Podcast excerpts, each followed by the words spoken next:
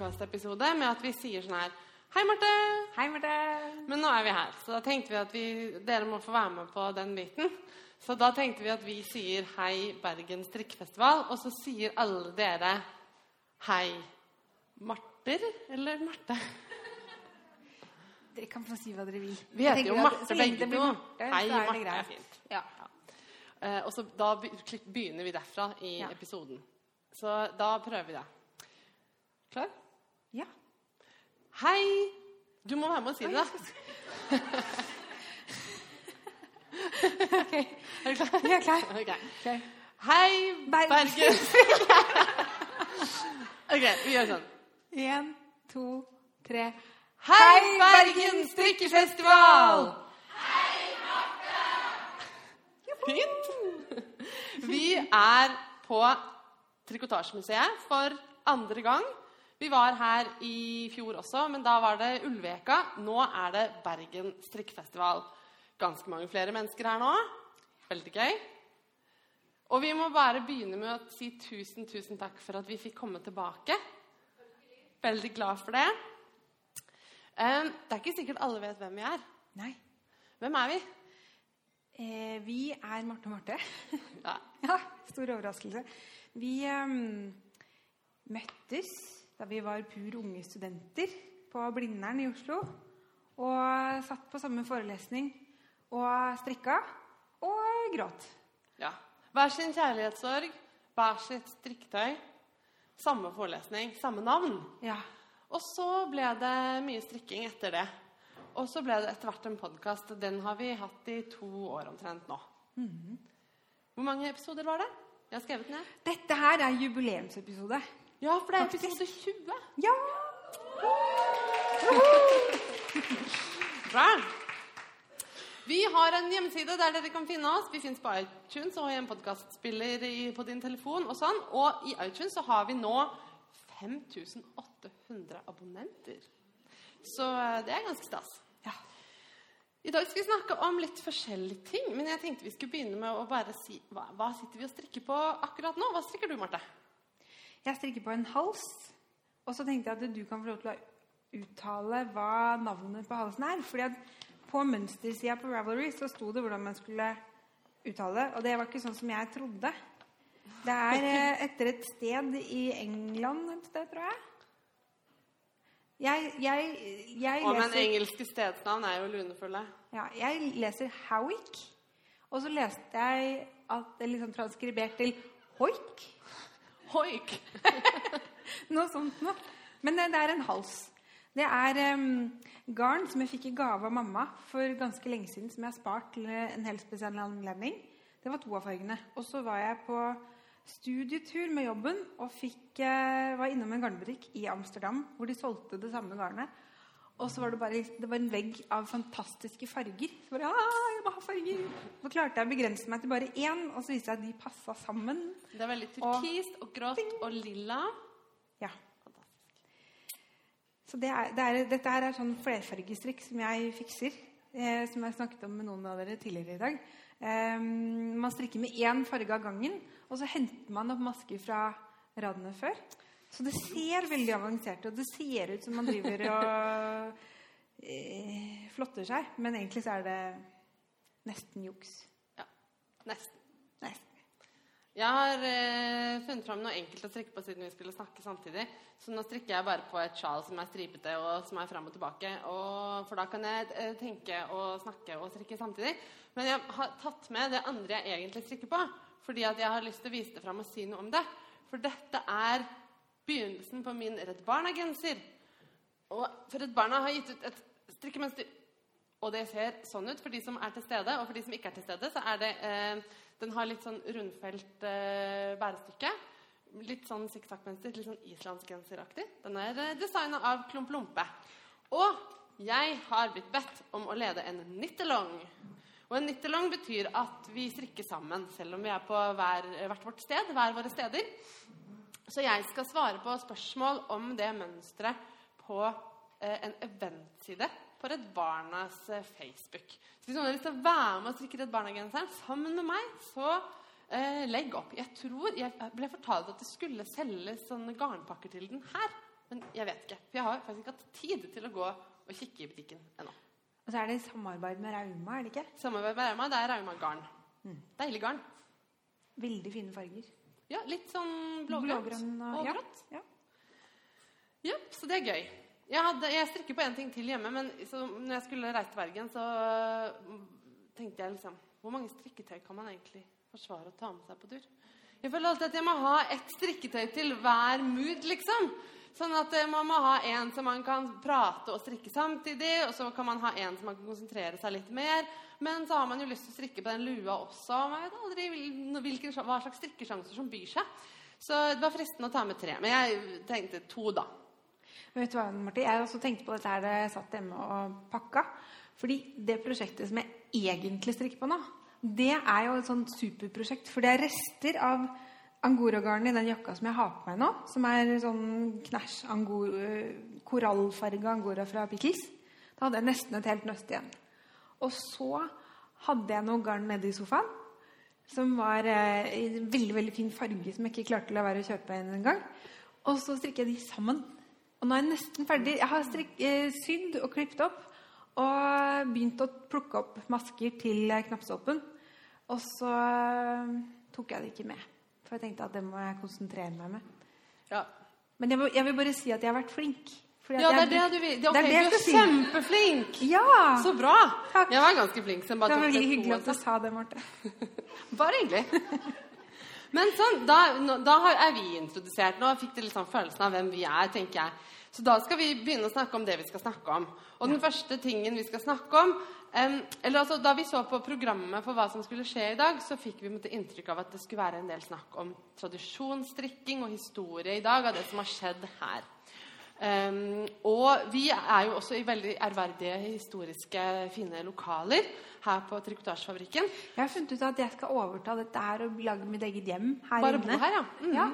Mellom maskinene, selvfølgelig. Og ja, Ja, ja, ja. Dere kan få komme på besøk. Det går fint. er fint. Jeg kommer gjerne. Eh, Men vi tenkte vi skulle på en måte bidra med en slags liten kontrast og være liksom veldig nåtidige. Snakke litt om forskjellen på det å være strikkedesigner før og nå. Ja. Du har litt å si om noen eh, nåtidige strikkedesignermennesker. Ja, altså da jeg, jeg Min sånn strikkekarriere føler jeg kan liksom organisere før og etter Eskimo-genseren. Som jeg strikka tidlig 2000-tallet en gang. Jeg skulle til å si, jeg visste ikke at du var født i 1952. Hold meg godt. Nei, altså Den Jeg hadde begynt på Blindern, og jeg har alltid strikka, på en måte. Det har man jo lært en eller annen gang da jeg var barn. Jeg husker ikke at jeg lærte å strikke, men det gikk litt sånn i rykk og napp. Og da jeg gikk på videregående, så skulle man jo strikke når man satt der på elevrådsmøter og sånne ting. Men var veldig, folk var jo ikke så veldig opptatt av hva man strikka. Men så laget jeg den genseren, og jeg satt og nistrikka i en uke hjemme i leiligheten. Og så måtte jeg liksom ned i strikkebutikken og si Se hva jeg har på meg. Jeg er ferdig. Um, og det var veldig stas. Men det, da var det ingen andre som jeg snakka om det med. Det var ikke så farlig for meg heller, egentlig. Men du kjente på behovet for å vise progresjonen, liksom? Ja, og så Det, det du egentlig trengte, var Instagram. Du bare visste ikke det ennå, fordi det ikke fantes. fantes ikke. Nei, og så traff jeg deg, da. Og da begynte liksom en ny En ting er at vi var venner, at det var hyggelig å prate med deg, men det var jo innmari hyggelig å prate med deg om strikking. Ja, ja for jeg er også sånn eh, organisasjonsoppdratt. Eh, natur og ungdom eh, og strikking på eh, natur- og ungdomkonferanser og sånn. Og da, men da strikka vi og snakka om miljøvern. Eh, og hvem vi var forelska i og sånn. Men, eh, men vi strikka Det som er, annerledes, er annerledes med deg, det er at vi strikker og snakker om strikking. Ja. Ja. Og det er jo fint. Flere lag av strikking, liksom. Men eh, jeg tenker at sosiale medier har jo gjort eh, ganske mye for akkurat det der med sånn som behovet for å vise fram progresjonen på genseren. For når med en gang du kan instagramme det, så er det jo 17 mennesker som sier 'Oi, wow, så fort du har strikka'. Ja. Som du måtte gå helt ned i garnbutikken for å få høre. ja.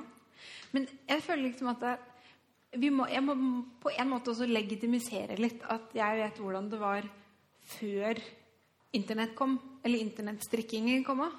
Fordi Da jeg satt på kontoret her en dag, så hadde jeg to eh, middelaldrende menn på besøk. Og eh, vi har en sånn veiledningstjeneste-greier. Så hvem som helst kan komme med, og så skal vi hjelpe dem med byggesakene deres. Det er noe helt annet. Men um, de satt der da i hvert fall og så på meg og litt sånn armene oppå pondusen og så Ja, du Altså, det vet jo ikke du noe om, men før datamaskinene kom, da skulle det bli et sånn papirløst samfunn. Vet du. Det, er, det kjenner jo ikke du til, men det Ja. Altså, They mansplain the internet. men hvor gammel tror de at jeg er? Jeg er født før datamaskinene kom liksom i alminnelig bruk. Jeg er født etter at den aller første datamaskinen kom. Men. Ja, altså Det du prøver å si, er at du husker en tid hvor drikkeoppskriftene var på papir. ja. Ja, jeg husker dette. Og så husker jeg også at søsteren min sendte meg på e-post riktignok en link til en veldig god muffinsoppskrift. Og så sa jeg nei, men jøss, de har jo strikkeoppskrifter òg. Og det var da bloggen til Pickles. Og hvem er Pickles? Ah, hvem er Pickles? To damer som jobba sammen og var veldig glad i å strikke og prata om å strikke og strikka veldig mye sammen, men jobba med noe annet. Og så begynte de å publisere oppskrifter og eh, Ja, både muffinsoppskrifter og strikkeoppskrifter og litt forskjellig. Og så ble det Det tok jo av. Mm. Og så fant vi ut at eh, dette her må vi gjøre til en business, sånn at vi kan gjøre det på fulltid. Og så begynte Og de har jo vært ekstremt eh, internettbaserte, for å si det sånn. Og var jo noen av de eh, første som på en måte solgte mønstre på PDF, først og fremst. Og uh, i, I Norge, da. i Norge. Og i butikken sin i Oslo så har de eh, iPader liggende, så man kan finne mønstrene istedenfor å ha de på papir i en perm som man kan finne i en hylle. Og de var ekstremt produktive i begynnelsen. Jeg vet ikke om de er like produktive fremdeles. Det kommer jo et mønster i uka. Det gjør kanskje nesten det fremdeles. um, og så kan man jo spørre dem om ting, for de fins jo der online og er tilgjengelige. Det jeg tenkte på var, Det ble jo snakka fra denne scenen her om Unn Søyland Dale i stad. Og da hun publiserte Eskimo-mønsteret i da 1952, da du ikke var født, ikke jeg heller, eh, så var det ingen som visste hva hun strikka på på kvelden. Og det var ingen som visste på en måte hvordan det gikk med den nyeste designideen hennes. Og ingen som visste hva hun likte eller ikke likte. Antakeligvis var det ikke så mange som var så veldig interessert i det heller. For det var ikke eh, som man tenkte på. Mens nå følger jeg eh, mange av mine favorittdesignere på Instagram f.eks. Jeg vet masse om eh, katta til Bristol Ivy. Eh, jeg vet når Mary Jane Mac- har vært på ferie og blitt inspirert av eh, landskapet på Shetland. Um, jeg, vet, når, jeg følger med når Kate Davies er på tur med den svarte labradoren Bruce. Eh, Sånne ting. sant? Det er en, en annen pakke, da. Men, ja, men hvorfor, hvorfor er du liksom interessert i kattene til Bristol Ivy? Det høres jo veldig ut som litt sånn reality-TV. Ja, nysgjerrighet, liksom. Altså, jeg tror ikke det er Jeg tror ikke det bare er så enkelt, da. Jeg tror at um, det visuelle er ganske viktig for oss. Vi lever i en, en multimedial tidsalder hvor vi er, forholder oss til visuelle tekster, kaller jeg det, da, fordi det gjør jeg i jobben min hele tiden. Um, og hvor vi er vant Og vi vil ha liksom alle sansene tilfredsstilt hele tiden. Og for eksempel så husker jeg på, I Instagram så var det en dag eh, Det er en stund siden nå. Det var Isolde Teague, eh, skotsk designer, som, hadde, som var på hyttetur. Og så så hun at eh, det hadde snødd om natta, og så lå snøen i sånne driver på vindusruta. Og da ble hun veldig inspirert og måtte tegne et sjalmønster med en gang som på en måte kopierte de der eh, drivene, det mønsteret. Sånne ting det er kjempegøy å måtte få et innblikk i hvordan den prosessen foregår. da. Og så er det jo mye mer Altså, vi lever på en måte i en tidsalder Eller i- i et sånt sosiale medier-univers hvor vi er vant til å på en måte få flere sider av saken hele tiden. At det kommer fortere. Ikke sant? Så holder ikke med det der mønsteret som kommer helt sånn uten en kontekst. Når vi finner et nytt mønster, så går vi på Ravelry for å se hvem andre som har strikka mønsteret. Og hvis det bare er liksom to som har strikka mønsteret, sånn Nei, jeg kan kanskje ikke strikke det mønsteret. For det er ikke sikkert at det, alle får det til så fint som den modellen. Men så, og her var det 600 som har strikka det.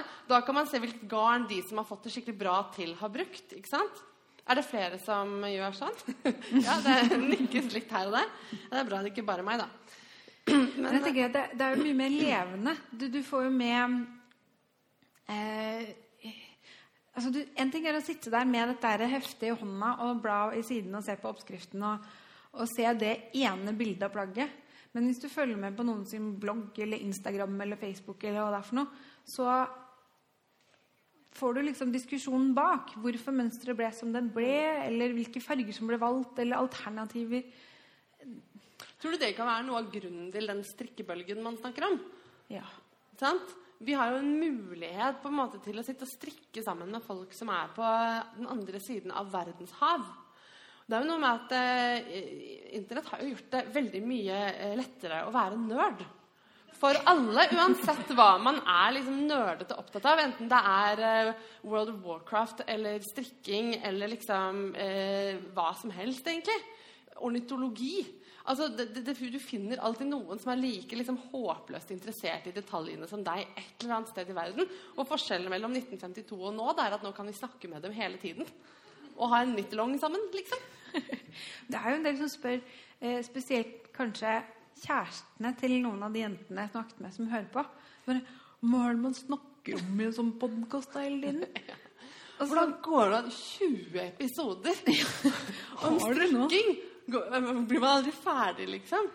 Men så tenker jeg, når man tar, har, mønster foran seg, så skal man ta en god del valg før man begynner. Man skal velge garn, og det kan jo være ganske vanskelig. Så skal man velge farge. Det kan være innmari vanskelig. Og så skal man kanskje se passer den til meg, passer den ikke til meg. Er, den, er det høy nok kontrast mellom disse fargene her? Kommer mønsteret fram? Skal det være lav kontrast, så mønsteret blir litt Vil jeg egentlig ha raglan eller rundfelling? Passer denne halskragen egentlig, eller burde det vært perlestrikk? Og så mens man sitter der og strikker, så bare Hva i all verden mener hun med den setningen der? Hva betyr det? Hva, hva, hva Og det er bare én person og ett mønster. Ja. Og så tenker jeg liksom, vi ser på alt det fine som dere har på dere her nå. Og lager akkurat nå.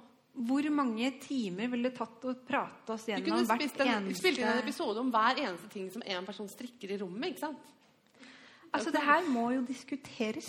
En annen ting som folk spør uh, oss om ganske ofte, det er hvorfor vi har en audiopodkast når man kan ha en videopodkast. Fordi strikking er jo veldig visuelt, sier folk da. Uh, og at det må da være mye lettere med en videopodkast. Um, det fins eh, to svar på det. det. Enkle svaret det er at med en audiopodkast kan du spille inn eh, usminka joggebuksa med hår med en kladd, i en kladd oppå hodet.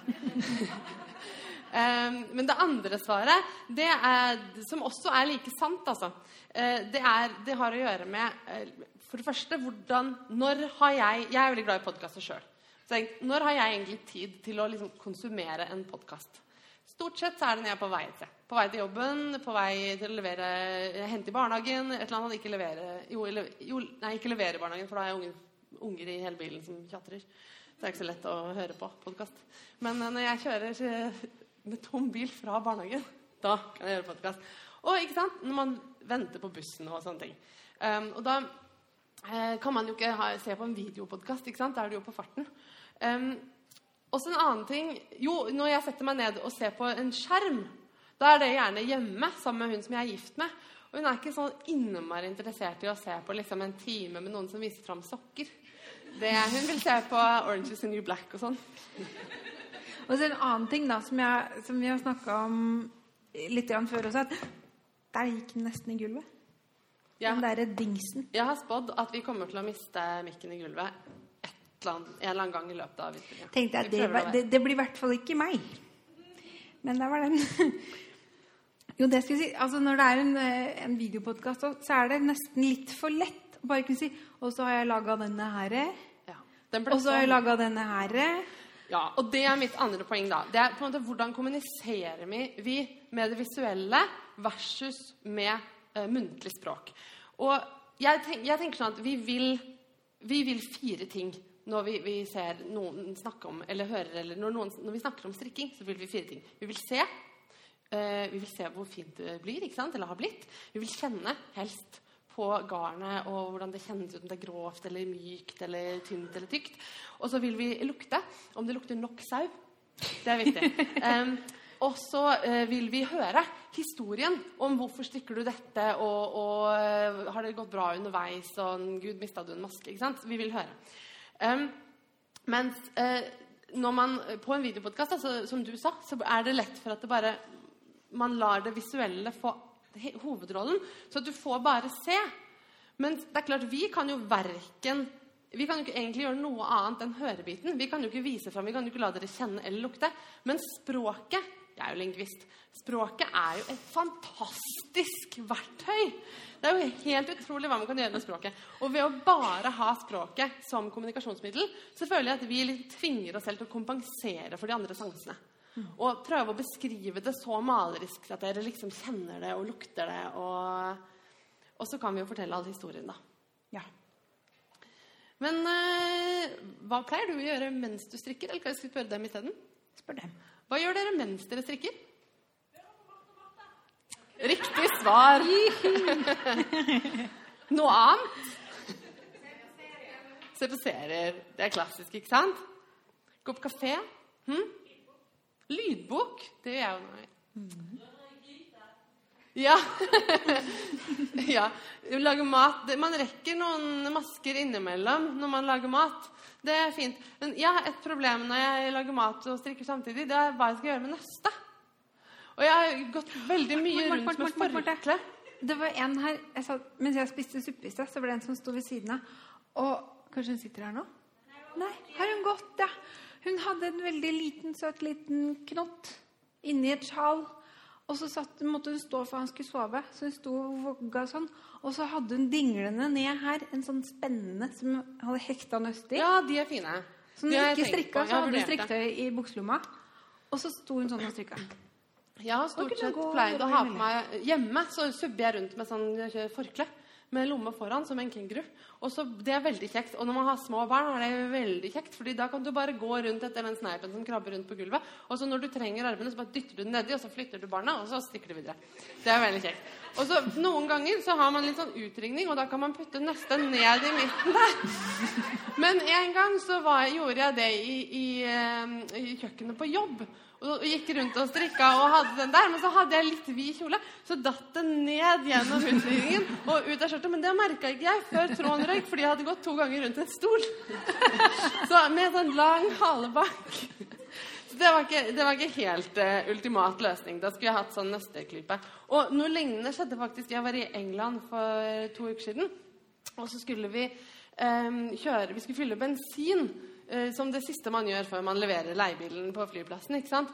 Og så eh, skulle jeg bare eh, Det dogga som på rutene, og så sa pappa er det, noen, er det en bil bak, eller kan jeg rygge? Så åpner jeg døra for å se, og lukker døra. Nei, det var ingen der, så kjører vi videre. Og da hadde nøstet falt ut. ikke sant? Og så kjører vi bort til bensinpumpa og fyller bensin og sånn. Og så skulle jeg dra, og så bare Å, herregud, så sitter den fast i døra. Jeg bare å, det kaldt ned i ryggen. Herregud, når falt det ut? ikke sant? Da vi kjørt bortover motorveien, er det liksom 500 meter tweed bak meg. Det er en ny idrettsgren. 500 meter tweed. Um, nei, men den hadde ikke uh, rulla så langt. Men den var kanskje liksom 30 meter. Og jeg måtte gå sånn ned og stoppe liksom to biler. og bare sånn, No, no, my yarn, my yarn, don't drive over my yarn. Så ja. Men vet du hva? Jeg er så nysgjerrig. Fordi at det, når jeg går til jobb hver eneste dag, så går jeg forbi en sånn klase med garn som har hengt seg opp i to sånne mm, betonggriser. Fordi jeg går gjennom eh, bak tinghuset bort til Stortinget temastasjon. Det er masse masse sikkerhet. Det er sånn veibom og vakter og greier som står der. Og liksom klint utover i litt sånn kanskje 100 meters område, så er det en sånn Altså Det ser ut som det garnet jeg har strikka med. Eh, petrolfarga garn som bare Det er rundt en lyktestolpe, og så er det bort til den der betonggrisen, og så er det litt frem tilbake, og der er det en klyse, og så er det masse videre bortover. Får, Så sånn- jeg hva får er det som har skjedd? Jeg tror at det er liksom et par. Og hun har strikka en genser til han, og så har hun vært utro. Og han bare 'Hva skal jeg gjøre genseren din?' Og så rakner han den opp utenfor tinghuset og kaster garnet. Ja, Men det er ikke? strikka med. Å ja, du har ikke strikka med? Du sa det var strikka med. Nei, jeg vet- jeg vet ikke hva som har skjedd eh, med form det. for yarnbombing.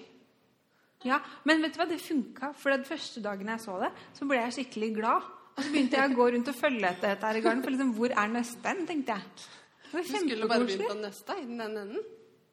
Ja, det skulle jeg gjort. Ja. Nå er det veldig møkkete. Når, når strikker du? du? Jeg vet at du strikker på kollektivtransport. Ja. Masse. Ja. Jeg strikker når jeg kjører bil. Ikke når jeg kjører bil, når jeg er passasjer i bil.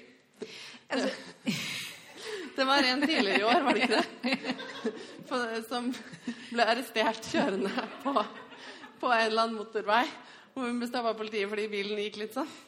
Og så viste det seg at hun strikka bak rattet. ja. Var Jeg må bare føle behov for å si det nok en gang. Vi oppfordrer alle til å strikke, men ikke mens dere kjører. Nei. Nei. Gåstrikking, helt greit. Sykkelstrikking, ikke like greit. Eh, Elin i Strikkpodden tok et eh, bilde av at hun eh, sykla og strikka. Og det var jo selvfølgelig bare sånn at hun sykla, og så gjorde hun sånn og tok bilde, og så sykla hun videre. Men hun fikk så mye pepper. De, fikk, de ble sånn med e-post med folk som var veldig sinte bare Sånn kan man ikke gjøre! Og det kan man jo ikke. Men uh... Ja, og så Dere må ikke si det til sjefen min. Nei, du Det hender vi har noen sånne hender vi har noen sånne rundskriv fra staten som vi får om eh, tolkning, ja, tolkningsuttalelser av lovparagrafer. Dere hører dere allerede der, liksom. At det er noen og 20-30-40 sider med det. Trenger man å distrahere seg litt av og til. Men da kan Ja. det være veldig veldig greit for meg å sitte og strikke mens jeg leser dette her. fordi da holder jeg meg i hvert fall rolig på stolen. Ja. Jeg er veldig glad i å strikke når jeg leker med barna. Fordi at um, Jeg er veldig glad i barna mine. Det er litt oppskrytt hvor gøy det alltid er å leke med barn. Um, og særlig min uh, datter på to er litt sånn uh, Hun er slett litt ego når det gjelder en del leking. Hun vil veldig gjerne at jeg skal legge puslespill med henne, men jeg får ikke lov å ta på puslespillbitene. Da sier hun 'ikke rør'! Så det betyr egentlig bare at jeg skal sitte og se på at hun legger puslespill og komme med oppmuntrende tilrop. Og da er det jo greit å strikke. Og en annen ting er nå å lese for barn. Eh, veldig fint hvis de velger kvalitetslitteratur. Eh, men eh, lær klokka med Thomas-toget. Ikke like morsom 36. gangen du leser den. Eh, da må jeg strikke. Og så liker jeg å strikke når jeg leser romaner også. Hmm, nå skryter du bare. Nei. Da syns jeg at du skal demonstrere her og nå. Jeg har tatt med Strikk, les. Jeg får, eh, har hørt det at folk tror ikke på at jeg kan strikke og lese samtidig. Så jeg skal gjøre den da. Nå skal jeg lese et fint dikt for dere. Jeg fikk nemlig denne her i gave forrige uke. Når jeg disputerte, så fikk jeg Nei, Marte, Marte, Marte, Marte. Du har disputert i lingvistikk. Ja. Språkviter. ja. Du kan ikke si 'når jeg disputerte'. Hvor mange ganger har du disputert? Å, det er fantastisk, sa jeg. Hver gang jeg disputerer, så får jeg en ny diktsamling. Og denne heter tilfeldigvis 'Ten Poems About Knitting'. Jessie Pope, eh, eh, britisk eh, dikter, eh, hun skrev eh, sånne motiverende dikt under Patriotiske motiverende dikt under første verdenskrig. Og denne heter The Knitting Song. Og jeg skal, tenke, skal stikke litt nærme mikrofonen, så dere hører sånn klikk, for det er veldig stemningsskapende, nemlig. Så nå blir det sånn liten lull in the podcast hvor jeg leser et dikt. Og strikker samtidig. Soldier lad on the sodden ground, sailor lad on the sea. Can't you hear a little clickety sound stealing across on the breeze? It's the knitting needles singing their song as they twine the khaki or blue. Thousands and thousands and thousands strong, Tommy and Jack for you. Click, click, click, how they dart and flick, flashing in the firelight to and fro. Now for pearl and plain, round and round again, knitting love and luck in every row. The busy hands may be rough or white, the fingers gouty or slim. The careful eyes may be youthfully bright, or they may be weary and dim. Lady and work girl, young and old, they've all got one end in view knitting warm comforts against the cold. Tommy and Jack for you. Knitting away by the midnight oil, knitting when day begins. Lads, in the stress of your splendid toil, can't you hear the song of the pins? Clickety click through the winds and the foam. It's telling the boys over there that every woolly that comes from home brings a smile and a hope and a prayer. Click, click, click, how they darken, dart and flick, flashing in the firelight to and fro. Now for pearl and plain, round and round again, knitting love and luck in every row. Jeg følte at jeg fikk bevist veldig godt at jeg klarer å strikke, fordi jeg mista til og med en maske. og plukka den opp igjen. Plukka den opp? Det så ikke jeg. Ja, Den var på enden her. Nå er den plukka opp. Ha. Men eh, har, du, eh, har, har du pugga diktet utenat, liksom? Det er Nei. juks. Ok, ok. tenker jeg at vi skal finne noe her. Ok, Noe jeg aldri har lest før? Noe du aldri har lest før. Jeg tror, Ok. Skal jeg finne fram er- flerfargestrikken også, eller? Oi, oi, oi. Vi kan prøve. Prøver. Dette er stunt, altså. Dette er stunt. Dette er ikke innøvd. Særlig også fordi jeg glemte å ta med noe, som du, noe litt mer spennende å høre på. Så det du får nå, det er eh, copyright agreement til Hoik Cow. Ok. Mønsteret. Ja, Greit. vær så god. Og flerfargestrikk. Og flerfargestrikk. Da kjører vi. Skal vi se. Uh, this pattern is the property of the designer, herein known as Rachel Atkinson for Loop London 2014. That's 2014. That's the year we live in. Yes. Um, uh, design and tech edit by Rachel Atkinson. Photographs by Kristin Perez. Styling by Susan Cropper. The pattern and images are copyrighted. This pattern is for personal and non-profit use only. Én feil! Én feil! Ja, men i flerfargestrykk Jeg syns det var ganske bra, jeg. Det var én feil. Det var én grå istedenfor uh...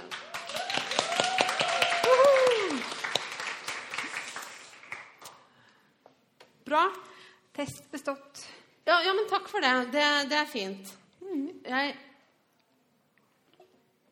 er veldig glad for at jeg har mestra akkurat det med lesing og strikking. For det gjør eh, livet mitt og jobben min ganske mange prosent bedre.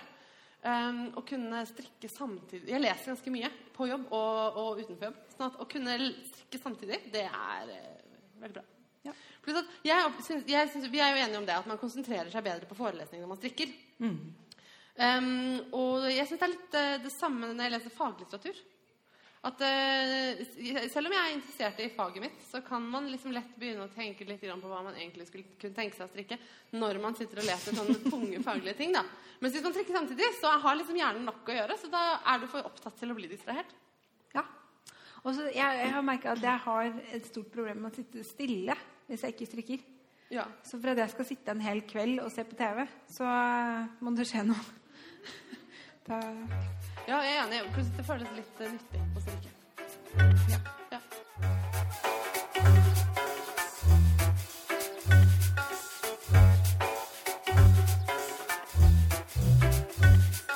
Vi skal eh, bytte tema, fordi vi skal eh, snakke om eh, det som i mine notater heter Marte Wolds guide til garnkjøp på festival.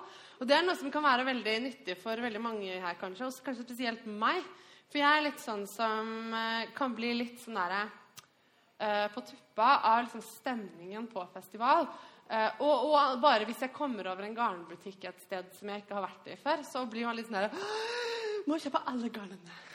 Eller liksom, ja, Og så ender man med liksom ett nøste som bare blir helt feil. Jeg var i Rye i England uh, for to år siden. nå. I en helt fantastisk søt liten garnbutikk som heter Plaristo. Og hun hadde bare helt avsindig mye fint. Hun farget sjøl og hadde masse Noro-garn og masse forskjellig gøy. Bare masse gøy, liksom. Um, og jeg kjøpte ganske mye garn der, Uh, og jeg har brukt noe av det. Men så er det ett nøste som jeg etterpå har sett på og bare tenkt Men hva, hva har jeg tenkt her? Det er sånn garn som er alt som jeg ikke fikser. Det er kabelspunnet merino. Jeg liker sånn som dette. Litt sånn som lukter sau, ikke sant? Eh, og er litt sånn grovt og stikkete. Det er det som er godt å strikke med. Eh, Sånt som klør for mye for de fleste. Eh, det liker jeg. Men sånn kabelspunnet merino, og så var det sånn mangefarga. Eller det gikk fra liksom gult til knallrødt, fargeskiftene hele tiden. Så det eneste jeg har funnet å bruke det til, det er hetta til mikrofonen. Den tenkte litt lyddemping, så det, det fikk det garnet bli. Men det var litt sånn der, jeg kom ut med ett hespe, og det var sånn Jeg vet ikke hva jeg har tenkt her. Eh, så jeg gleder meg til å høre om du har noe eh, tips Ja. til meg om hvordan jeg skal tenke. Ja. Jeg, dette kan jeg mye om. For jeg holdt på å gå på samme smellen ett år etterpå. Når jeg var på Ølands, uh, ullsentrum på Ørland eh, og fant et sånn skikkelig sånn candy cane sukkerspinngarn som var liksom eh, rosa og turkis og så ut som godteri, liksom. Og jeg bare Å, vakkert! Jeg vil slå et spiker i veggen og henge det på veggen for alltid, for det er så pent. Um, og så var det en liten stemme som sa du kommer aldri til å strikke noe i dette. Så da la jeg det bort og kjøpte tre hesper med tretråds sjokoladebrunt kløete ullgarn. Ja, altså Det er veldig lett å la seg rive med. Og det eh, Det var jo selvfølgelig fordi at vi skulle snakke om det nå, at jeg har handla i dag. Så Det var jo, det var jo raust av deg, Marte, å bruke dine egne penger på en garn bare for at vi skulle snakke om det på podden. Ja. Jeg er raus. Sånn er det. Så eh, Hillesvåg de hadde gjort det veldig enkelt. De, hadde, de har lagd garnpakker.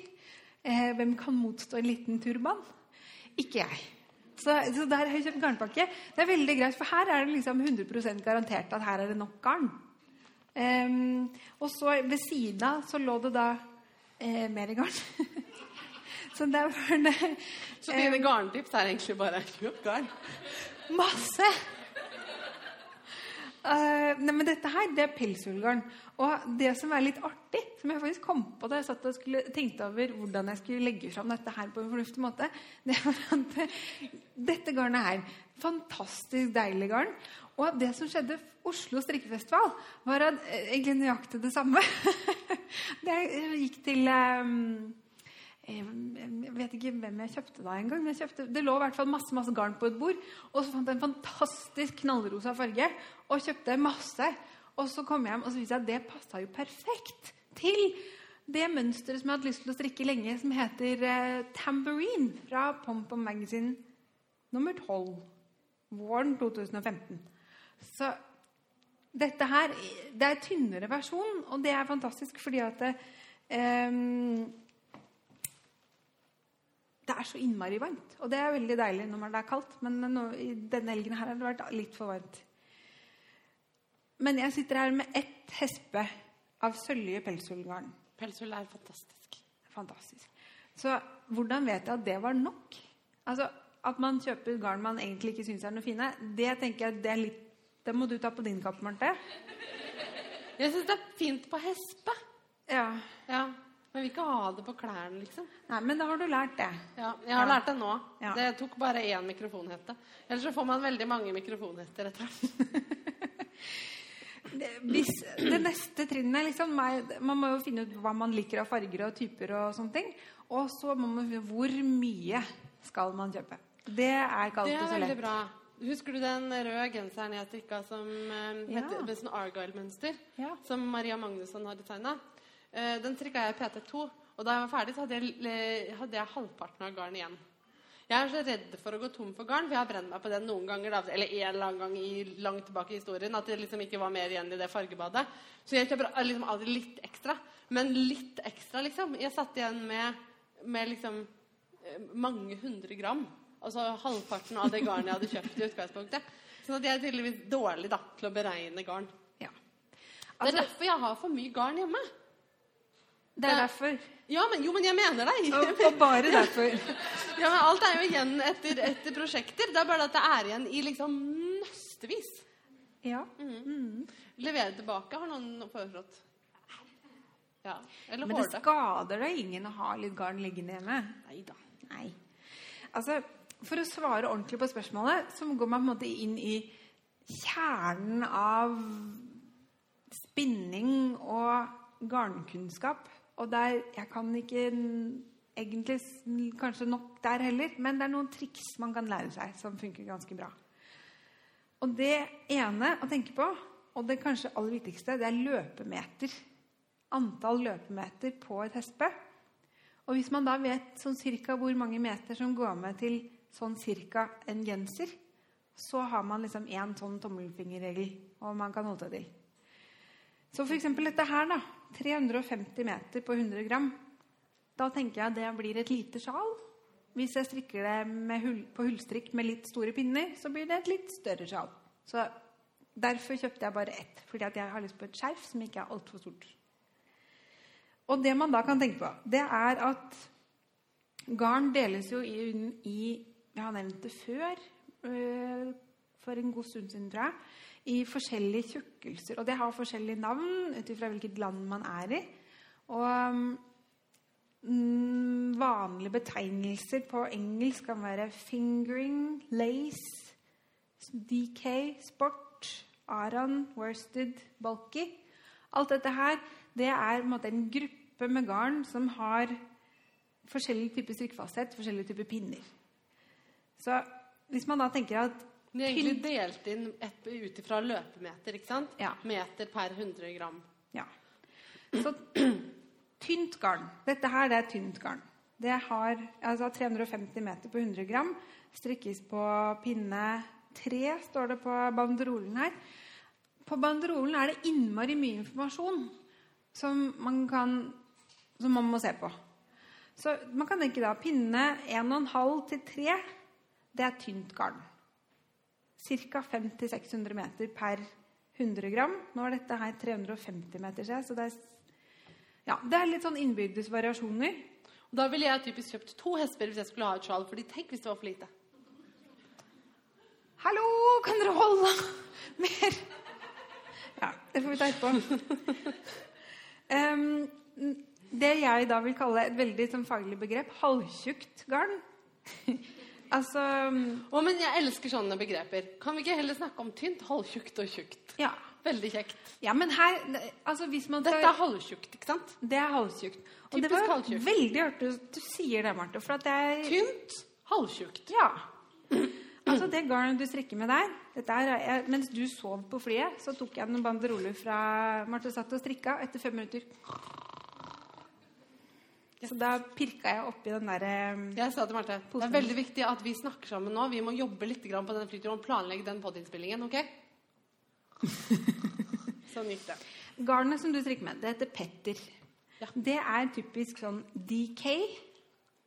Tjukkelsegarn. Halvtjukt. På pinne 3 til 4,5 ca. Strikkefasthet ca. 21 til 26 masker. Det er det er litt viktig å merke seg hva slags type fibre det er snakk om. For det der det er superwash, rein ull. Det er 100 meter per 50 gram nøste. Strikkes på pinne 3-4, står det på banderolen her. Og i oppskriften så står det da at du trenger 450 gram til størrelse small, 500 gram til medium og 550 gram til large. 500, ja, cirka. Og det betyr da, hvis man oversetter det til meter, at du trenger mellom 900 og 1100 meter. Hvis man da oversetter det til nøster, så betyr det at du trenger fra eh, 9 til 11 nøster garn. Se, da har vi allerede handlelista. 9 til 11. Men vet du hva? Det, det passer jo egentlig overens med hvordan jeg pleier å tenke. For jeg pleier å tenke Unnskyld. Jeg pleier å tenke sånn her. Jeg gidder ikke å strikke i så veldig mye tynnere garn hvis jeg strikker en genser til meg selv. Det er ikke sant, for det gjør jeg. Jeg strikker ofte i mye tynnere garn, men jeg tenker det. Um, og så tenker jeg at den her typisk tykkelsen, som du da sier jeg heter DK, da trenger jeg ca. fem hekto garn. Ja. Tenker jeg. Fem hekto. Ja, altså 500 gram. Hekto? Hekto, det var sånn som å kjøpe pølser. Smågodt. Smågodt selges i hekto. Ja. Eh, jo, men hekto, 500 gram, da. Ja. ja ikke sant? Eh, 10 nøster. Men så ville jeg da selvfølgelig kjøpt liksom 14, fordi at jeg ville ha angst for at det skulle bli for lite. Altså Når jeg handler til meg selv, så tenker jeg i sånn tynt garn som dette er. Da, det jeg gjør, er at jeg går bort på neste, så tar jeg ut en tråd, og så kjenner jeg liksom på den er Dette er tjukt. Nei, dette er tynt. Det er ikke halvtjukt, det er tynt. Tre nøster ca. Da får du 1050 meter av denne her. Det er nok til en genser til meg. Eh, hvis man er litt større enn meg, så kan man kanskje kjøpe fire. Da har du nok til liksom alt mellom small og, eller medium og oppover, på en måte. For da, siden det er 100 grams nøster, så får du ganske mange flere meter. Det er derfor jeg, det blir feil, vet du. Jeg kjøper eh, 500 gram av det der òg, jeg. Ja, det blir mye. Ja, det var det som Det skjedde med, det var det som skjedde med den genseren, da. Den røde. rød. Og så når du har sånn som det garnet du holder på med der det, altså Halvtjukt garn, det vil jeg si er liksom eh, karisma fra Drops, f.eks. Mm. Eller Per Gynt. Per Gynt Smart, kanskje også. Aldri sett. Sand, er ikke det Sandnesa? Smart? Ja. Det er altså sånn Det ligger litt sånn i grenseland, tynt og halvtjukt, syns jeg. Så det må man gjøre en vurdering, da. Og så hvis man strikker med Ja, da, da, da pleier jeg å tenke ti nøsteroller. Og så kommer det selvfølgelig litt an på hva slags type genser man skal ha. Skal den være vid eller løs eller veldig lang, så justerer man litt opp og ned antall nøster. Men du anbefaler altså at man kjøper garn til et prosjekt hvor man har et mønster som man kan sjekke. Men hva hvis man ikke er sånn? Nei, men altså, Jeg har ikke mønster nødvendigvis alltid. når jeg tenker meg, Men hvis du kjøper en mengde som du vet passer til ganske mange mønstre, så har du alle muligheter når du kommer hjem. Ja. Og eh, masse muligheter, ja. Og så er det litt det liksom, Men Betyr det at vi må, må kjøpe gensermengde av alt? Nei. Nei, nei, nei. Nå- foregriper du begivenheten. her. Ja, for vi har ikke kommet til tjukt garn ennå. For det som er litt viktig, da, det er at dette her stiger ikke proporsjonalt. Det er ikke sånn at du trenger akkurat Du kommer liksom gange det opp, og så, det, så får du garnmengden i tjukt garn. Eller du kan det, men du burde regne litt sånn monn, slingringsmonn. For at tjukkere garn trenger du mer av enn veldig tynt garn. Så jeg tror egentlig at en genser som man trenger kanskje ca. 1000 meter til, trenger du kanskje rundt 900 meter til i så tynt garn. Og strikker du med veldig tjukt garn, altså strikkefastet 12 kanskje, rundt der, så trenger du kanskje 100 meter til. Så man må få litt sånn følelse med hva slags type fibre det er, hvor tjukke de er. Strikker du med noe som er veldig elastisk, sånn ull f.eks., så er det ganske stabilt. Strikker du med silke, alpakkablanding eller et eller annet sånt noe, så er det umulig å vite hva man får. Nei, men altså, det, det er litt å tenke på at dette, den strekker seg. Så den kommer til å bli lengre og smalere i formen. Fordi at garnfibrene oppfører seg annerledes når du har strikka med det. Alpakka siger. Ja, så er, Man må prøve å være litt sånn forutseende. Men hvis du da også for da ender opp med å kjøpe for lite, så kan man tenke på at det er andre ting man kan strikke av det. Um, sokker, f.eks. Da trenger du ca. 300 meter til en damesokk på, i um, ja, litt tynt garn. Da. Så da trenger du kanskje halvannet nøste. Ja, jeg pleier å kjøpe tre nøster til sokker. Samme til votter. Ja. Litt mindre til lue. Til eh, en nyfødt eh, genserjakke så trenger du kanskje 100 gram halvtjukt garn. Cirka. Det går akkurat. Noen oppskrifter går akkurat. Og så kan man jo tenke på at hvis du får rester eller får noe annet, så er det mye annet man kan bruke det til. Man kan bruke det til eh, striper, eller til på, liksom øverst på sokken, sokkekant, sokkehæler, mansjetter, halskant, dott på lua. Du kan putte det inn i fargemønstre liksom, som en del innslag her og der. Um, ja, dusker til pynt, mikrofonsokk. Mikrofonsokker er veldig veldig praktisk å lage av restegarn. Ja.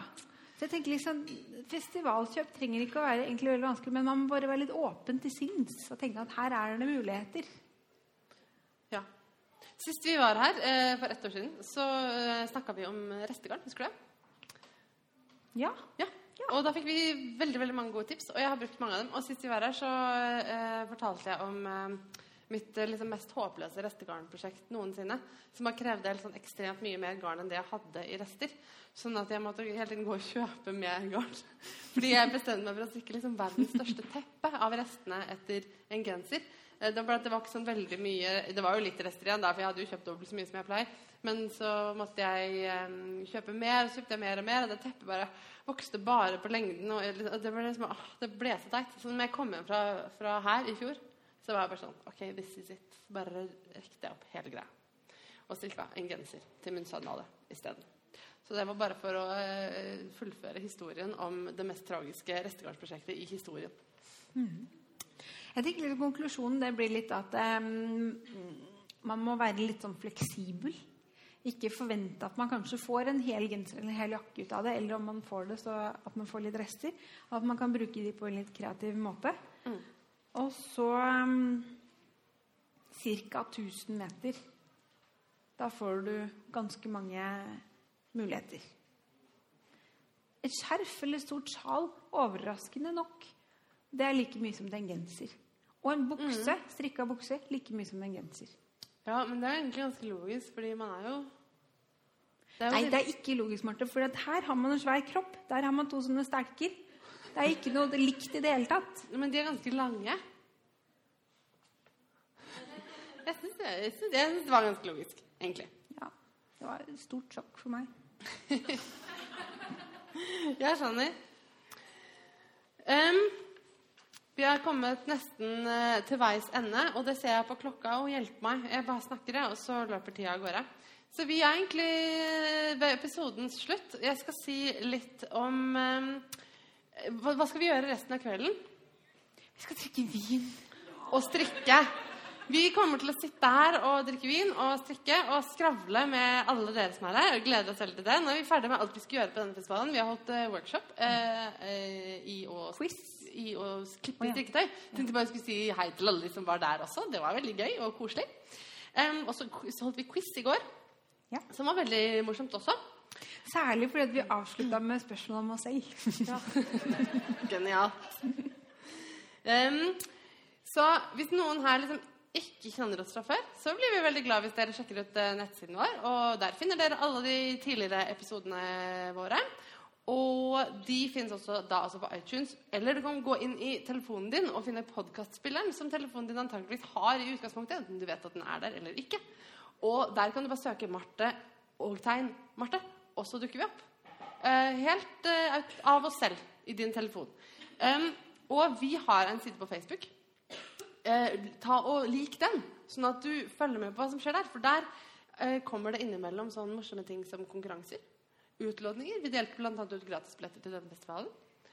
Og ehm, vi sier fra om morsomme ting vi finner på internettet. Og så har vi hver vår Instagram-konto. Jeg heter eh, Marte underscore Nitz. Og du heter Jeg var ikke så Marvel. Ja, Jeg jeg, er veldig misunnelig på ditt navn, fordi det høres liksom logisk ut når man sier det. Marvel? Ja. Ja. Kanskje jeg skal være Marbur Men hva skal jeg, jeg vet ikke hva jeg skal gjøre etter mai. Etter Mai. mai? Jeg skal gifte meg. Og skal du bytte etternavn? kanskje bytte navn. Nei, det kan du ikke. Du, det går ikke. Nei. Jeg heter Marvold. um, men uh, følg oss på Instagram. Det er alltid gøy. Og hvis noen vil uh, være med og strikke denne sammen med meg, så har jeg også Nyttalong på gang med Redd Barna. Og så ta og abonner i iTunes og si til alle vennene deres at de skal abonnere i iTunes, sånn at vi kommer over 6000, for det hadde vært så gøy! Hvis vi kommer over 6000 abonnenter, da må vi liksom gjøre noe gøy og gi bort noe greier. Ja, Ja. det må vi. Bra. Um, jeg, en gang til har jeg lyst til å si tusen takk til Bergens Strikkefestival som inviterte oss hit. Takk, takk, takk, takk. Det har vært en helt fabelaktig festival. for en festival. Kjempefint. Og jeg elsker disse lokalene og uh, utsikten. Mm. Det lukter ganske sånn intenst av spinnolje her inne. Å, det er deilig. Jeg blir glad av det. jeg. Ja, det er nydelig. Uh, neste gang vi skal festivale oss, det er i november på Oslo strikkefestival. Der har vi også tradisjonen tro klart å ikke si nei til noen ting og sagt ja til å gjøre alt. Så der kommer vi til å løpe rundt som sånne ekorn med høy puls hele tiden og eh, gjøre ting. Tjate. Ja. Men vi skal også der For dette er, dette er liksom hvordan vi slapper av. Vi bare sier ja til å ha en live podkastinnspilling, for da kan vi i hvert fall få sitte på rumpa i én time og få strikke, liksom. Så det gleder vi oss til å gjøre der også. Um, og annet enn det så dukker vi opp i en ny episode i dine uh, høretelefoner. Uh, plutselig. Og nå må vi Faktisk litt sånn avslutte inni hodet. For når man hører stemmen, så er den liksom Midt inni det er veldig fascinerende når folk forteller meg sånne ting som at de, de pleier å høre meg på vei på jobb og sånn. For da føler jeg liksom at jeg får være med folk overalt. Ja. Som en slags liten sånn papegøye på skulderen. Fint. Nå tenkte jeg på han derre sulten i den der God morgen-yoghurt-reklamen. I lilla tights. Jeg har ikke TV. Jeg har ikke TV, jeg vet ikke hva du snakker om. Er du hungrig? Jeg skal okay. vise deg. Ja, det gjøre. Um, vi avslutter sånn som vi begynner, nemlig med at vi sier ha det Bergens lykkefestival. Og da må dere si ha det, Marte. Ikke sant? Ja. Er du klar nå? OK. Jeg er klar. Klar. Én, to, tre. Ha det, Bergens drikkefestival! Tusen takk for oss. Vi måtte sitte